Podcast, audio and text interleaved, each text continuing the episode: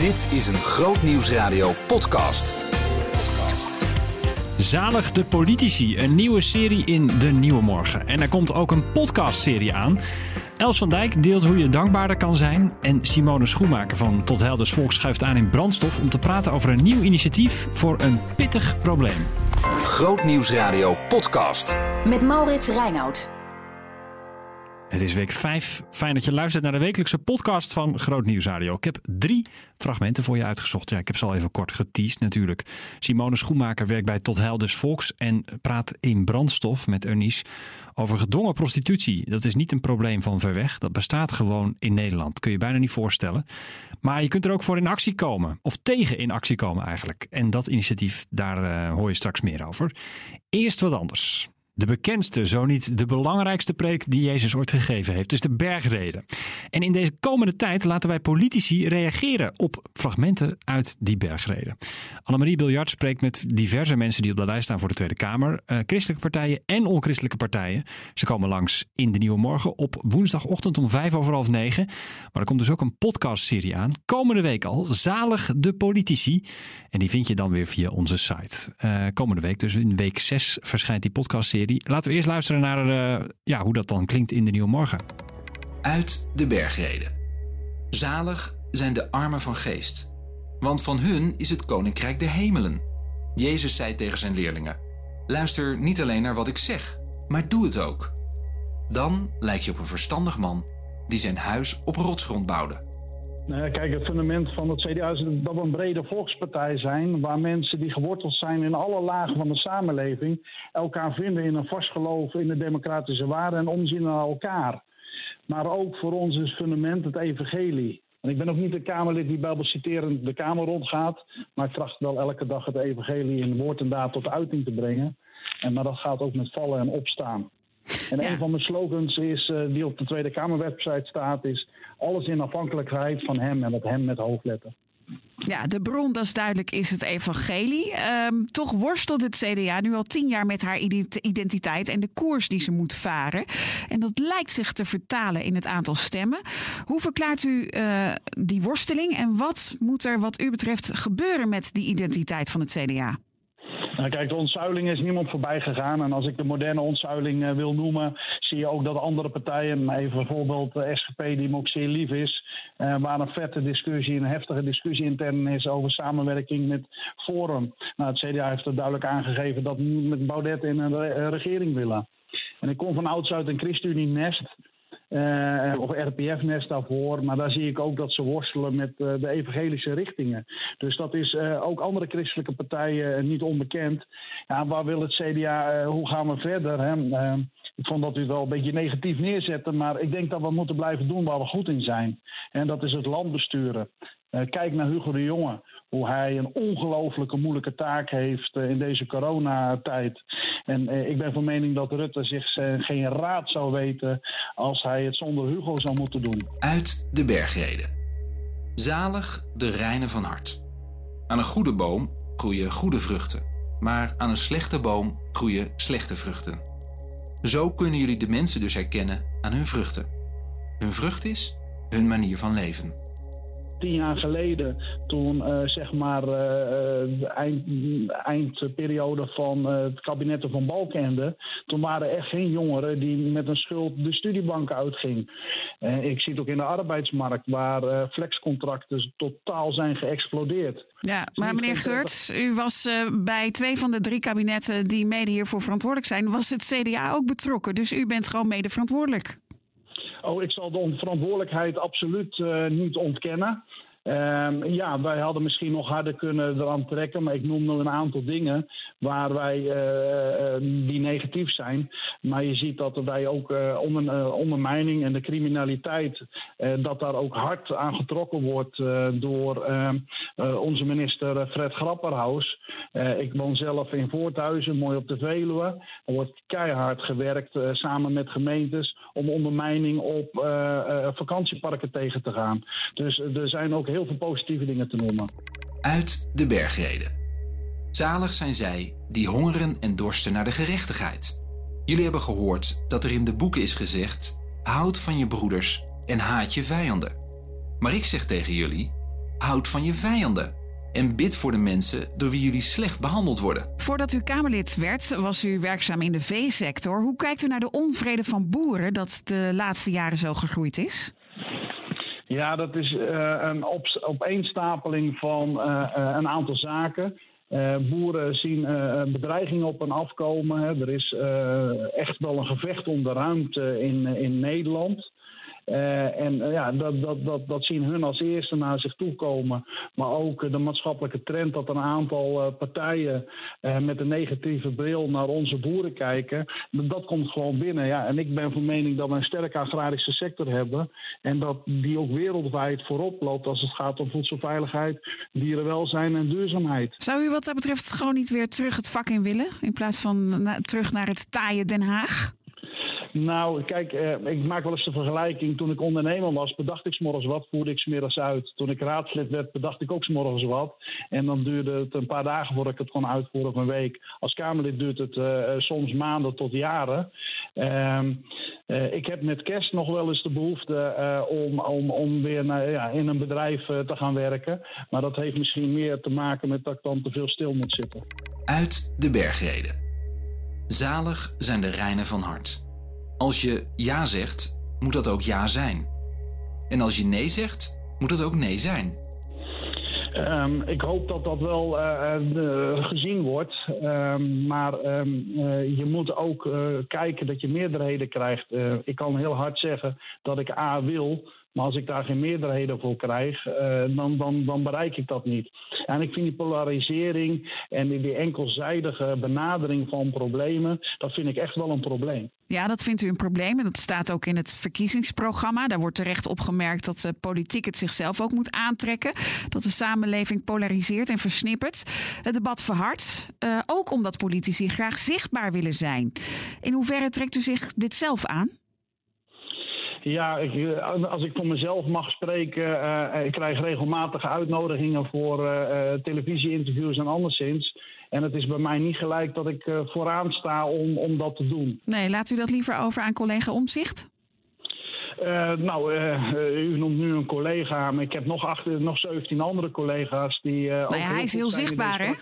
Hij is zeker heel zichtbaar. Dat doet hij ook namens de CDA-fractie. Hij zit ook geruime tijd in de Tweede Kamer. En dat heeft hij zelf ook wel eens gezegd. Uh, je moet hier toch wel een jaar of vier, vijf uh, je Kamerwerk gedaan hebben. om te weten hoe het werkt en hoe je effectief kunt worden. En nou, ik uh, ga nu mijn nieuwe periode in. Ik hoop althans dat ik gekozen mag worden. En nou ja, ik heb heel veel ervaring meegebracht. ook voor de nieuwe periode. Ik weet al een beetje hoe de hazen lopen in de Tweede Kamer. Uit de bergreden. Zalig de vredestichters.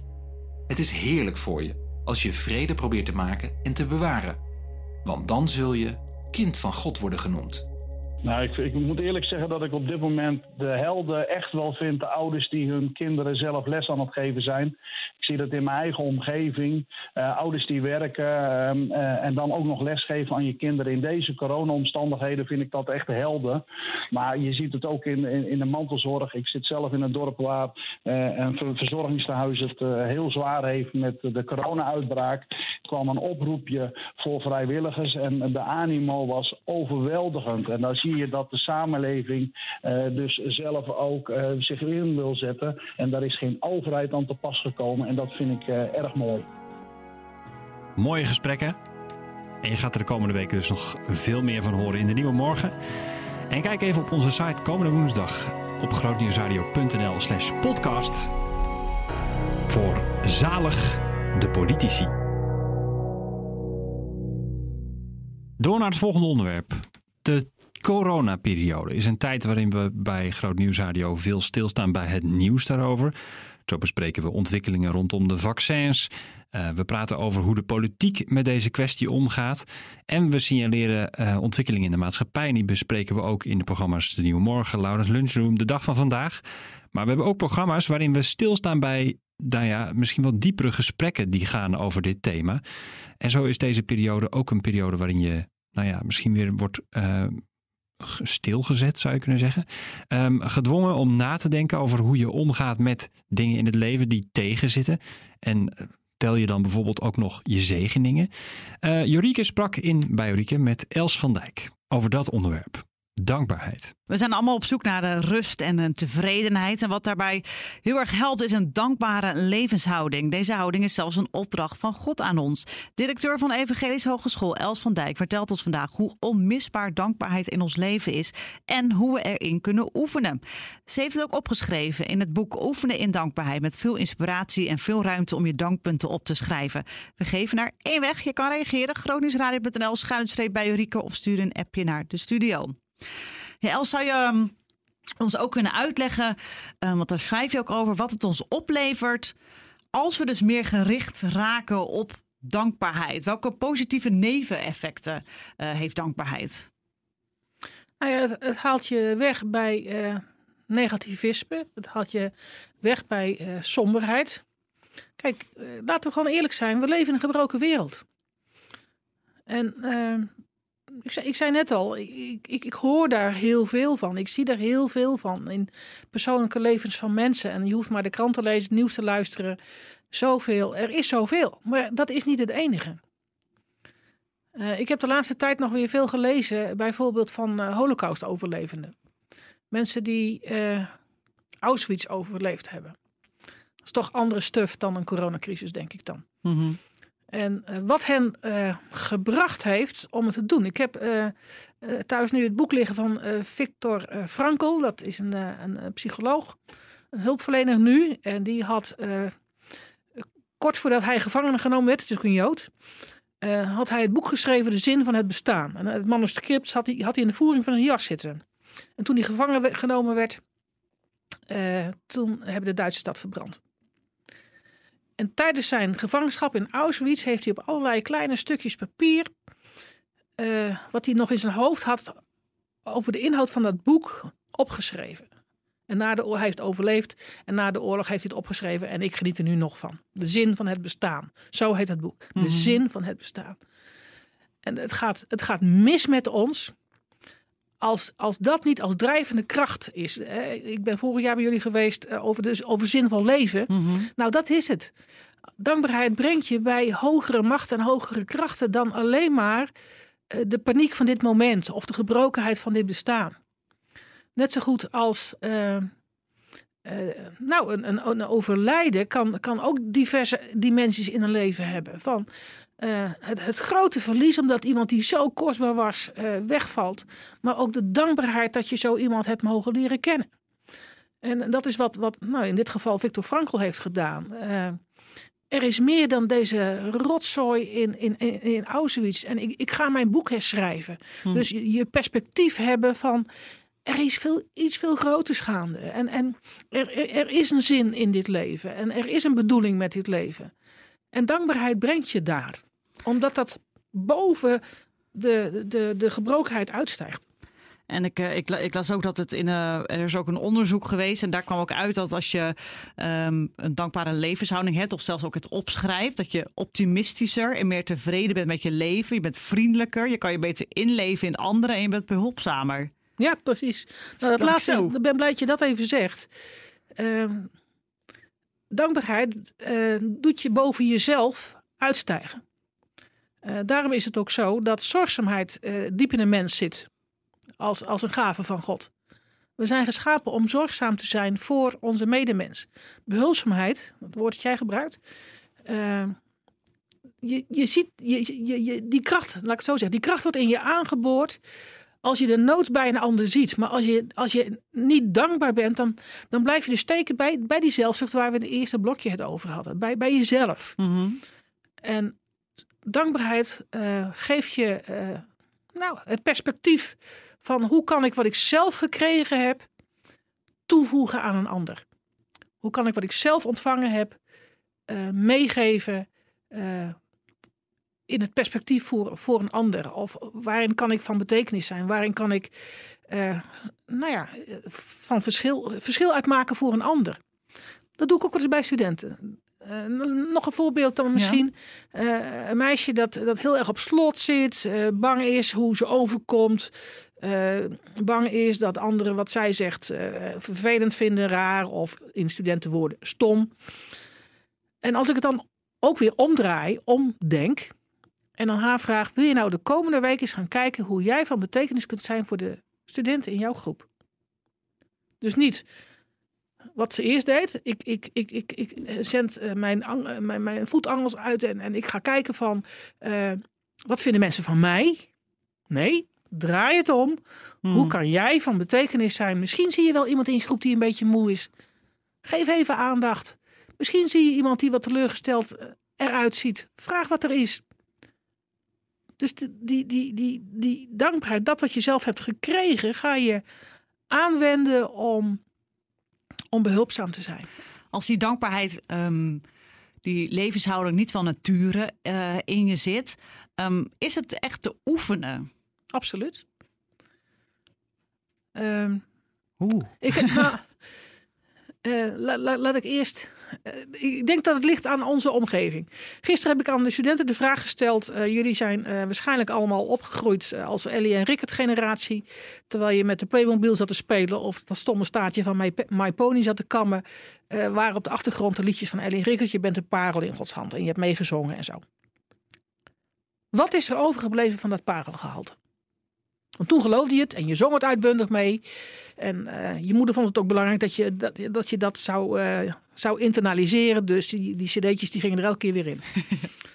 Wat is er overgebleven? Nou, dat is weinig. Ik kom veel onzekerheid tegen, onverschilligheid. Dus het negativisme eh, wat, wat vanuit de maatschappij op je afkomt... en eh, vanuit die perfecte plaatjes waar je niet aan kan voldoen... mag je dus weer gaan omdenken van, maar wat heb je wel? En dan, dan heb ik dat is dan is ook mijn vraag gisteren geweest aan de studenten. Nou, mogen we een oefening gaan doen deze maanden met elkaar? Wat heeft God wel aan je toevertrouwd? Want ik weet zeker eh, dat jij bent voortgekomen uit de oorspronkelijke gedachte van God. Weet ik zeker. Want God maakt niet zomaar iets. Hè. Je scheppen doet niet zomaar iets. Zo van, nou ja, eh, ik heb eh, Jansje geschapen. Nou ja, we gaan wel zien wat het wordt. Hmm. Maar Jansje is er omdat Jansje bedoeld is. Nou, hoe kun jij nou je leven gebruiken om te gaan ontdekken wat God aan je heeft toevertrouwd? Hoe kunnen wij deze tijd gebruiken met elkaar om dat te ontdekken? En, en, en hoe kan jij dan wat God aan jou heeft gegeven eh, gaan gebruiken tot meerdere eer en glorie van Hem en van de mensen die op jouw pad komen? Omdraaien. Om, ja, alles is echt omdraaien als je het hebt over een dankbare levenshouding. Ja. In, je, in, ehm, in, het, ehm, in je boek, wat je dus ook hebt eh, geschreven, is dus ook heel veel ruimte om eh, dankpunten op, op te schrijven. Is dat ook iets hoe je dankbaarheid kan oefenen? Gewoon eh, elke dag drie dingen opschrijven? Ja. Dus, zo is eigenlijk ook dat boekje ontstaan. Hè. Wij, hebben een prachtig onderwijsprogramma. En dat eindigen we met het thema levenskunst. En daar is dankbaarheid een onderdeel van. Levenskunst. Christelijke levenskunst is dankbaarheid een onderdeel van. En eh, dat, dat, dat, daar sluiten we een beetje het schooljaar mee af. En eh, nou, toen, toen ben ik dat boekje gaan schrijven. Hadden we eerst alleen maar voor intern gebruik. Van, dat geven we studenten mee. Eh, hebben ze het voorgehouden in het onderwijsprogramma. Laten ze nu, als ze vertrekken bij de EH, blijven oefenen in dankbaarheid. Door, door te gaan schrijven, inderdaad.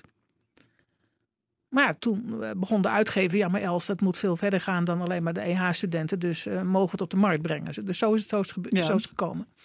Ja, je kunt het oefenen, ja. Eh, ik, ik noem in het boekje ook het voorbeeld van de dankspier. Die, die natuurlijk niet bestaat in ons leven. Eh, maar eh, als je niet oefent om, om elke dag je te concentreren op wat je ontvangt, dan zou je zomaar weer terug kunnen vallen in blijven steken bij wat je mist. Nou, laat ik een voorbeeld uit mijn eigen leven geven. Ik had het fantastisch gevonden als ik moeder zou zijn geworden. Eh, jij weet inmiddels eh, dat het een van de mooiste dingen in je bestaan is. Hm. Fantastisch. Nou, is niet gebeurd. Eh, nou vind ik de humor van de Heere God dat ik ehm, elk jaar met honderden studenten, kinderen van anderen mag omgaan. Mhm. Waar ik niet de last van ondervind. Hè. Ik hoef niet hun frustratie op, op, op, op een oude manier en hun snotneuzen af te vegen en bedenk het allemaal maar. Ehm, dus ik ben dankbaar voor wat ik wel mag. Als ik zou blijven steken bij wat ik mis of miste. Je moet door die fase heen van accepteren van, oh, oh, dat, dat zal niet aanwezig zijn in mijn leven. Ja, dat kan ook. Dat kan natuurlijk voor veel is dat een, een levenslange pijnlijke wond. Ja, maar dan accepteer je dus niet. Als iemand aan mij vraagt, dat vragen ze nou niet meer, want ze denken dat ik er wel overheen ben. Maar eh, het is nooit een groot issue geweest hoor. Maar eh, ik heb wel eens een tijd gehad dat als ik dan weer, weer met een baby van iemand anders in mijn armen stond, dat mensen aan mij vroegen: kan je daar wel tegen? Dus ik kan je daar wel tegen? Ik geniet er buitensporig van. En dat kan pas als je accepteert wat je niet mist, wat je mist bedoel ik. Maar wat, als je dan daartegenover dankbaar bent voor wat je wel ontvangt. Door Dus bijvoorbeeld elk jaar weer ook mag weer voor eigenlijk voor 100 studenten mag ik weer Een paar Eh, honderd. Een paar honderd.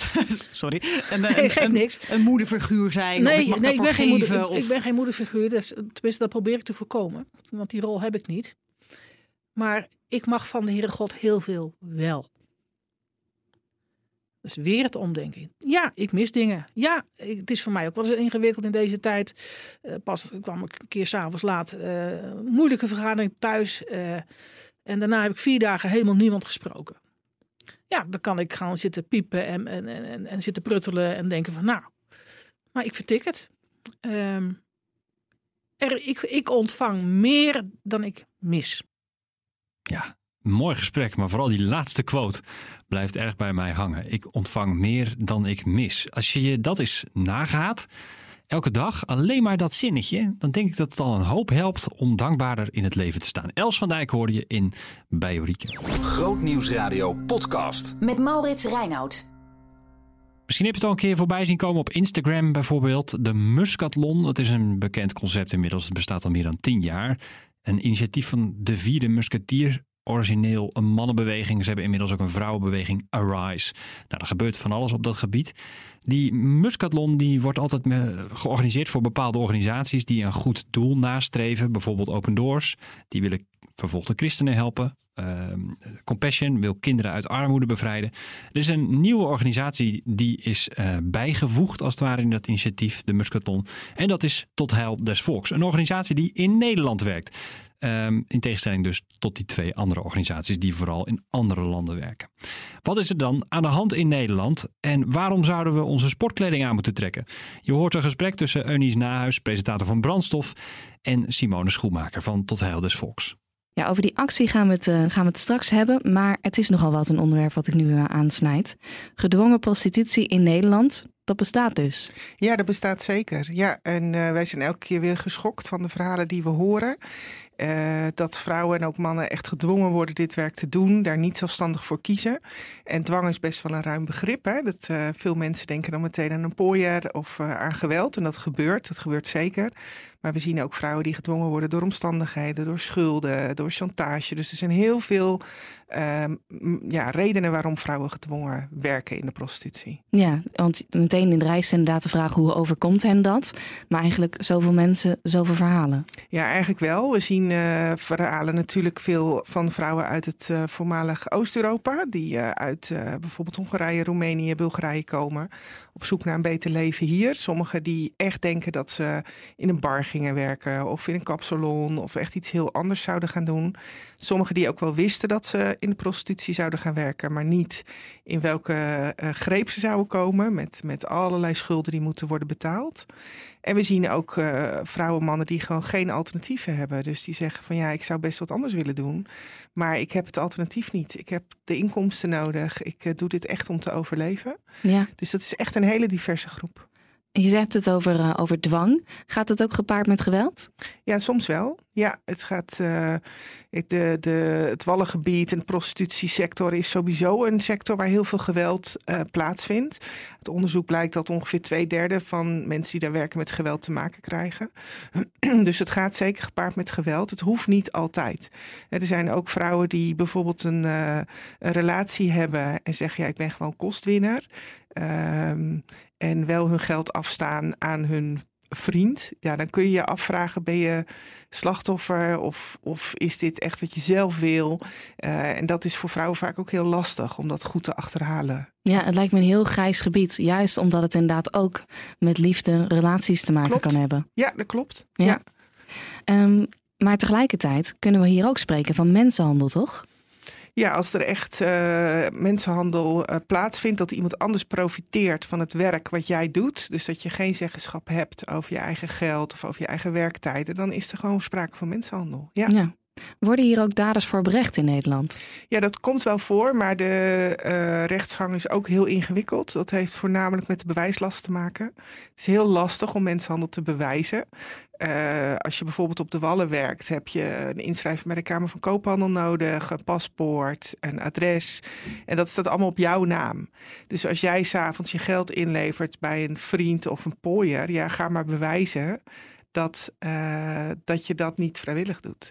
Dus de bewijslast is vaak heel lastig. Mm. Lukt het jullie om in uh, contact te komen met uh, vrouwen om wie het gaat? Ja, nou eigenlijk heel erg goed. En wat dat betreft hebben we zeker sinds de coronacrisis een enorme toename aan hulpvragen gehad. Dat was voor ons ook wel heel tekenend. De seksindustrie ging natuurlijk in lockdown in het voorjaar en nu weer, nog steeds. Dat heel veel mensen bij ons aanklopten voor hulp. En heel veel van hun zeiden van ja, nu ik tijd heb om na te denken, tijd heb om ja, een stukje rust te krijgen, uh, wil ik eigenlijk niet meer terug. En uh, ja, voor die vrouwen en ook mannen konden we best veel doen. De gemeente is best wel heel coulant geweest met het geven van uitkeringen. Er is ook een groep, en dat zijn echt heel schrijnende verhalen, waarvoor we veel minder kunnen doen. Die dus bijvoorbeeld illegaal werkten of geen vast adres hebben.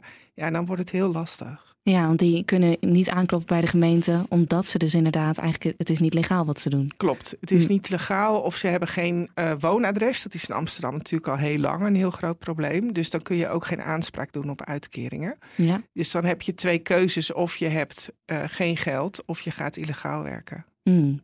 Je zei het al, en daar hebben we het ook al een keer eerder over gehad. Um, deze lockdown en de hele coronacrisis heeft ervoor gezorgd dat inderdaad um, veel prostituees zijn gaan nadenken van hey, misschien wil ik hier wel mee stoppen. En ze weten jullie dus ook te vinden. Supergoed.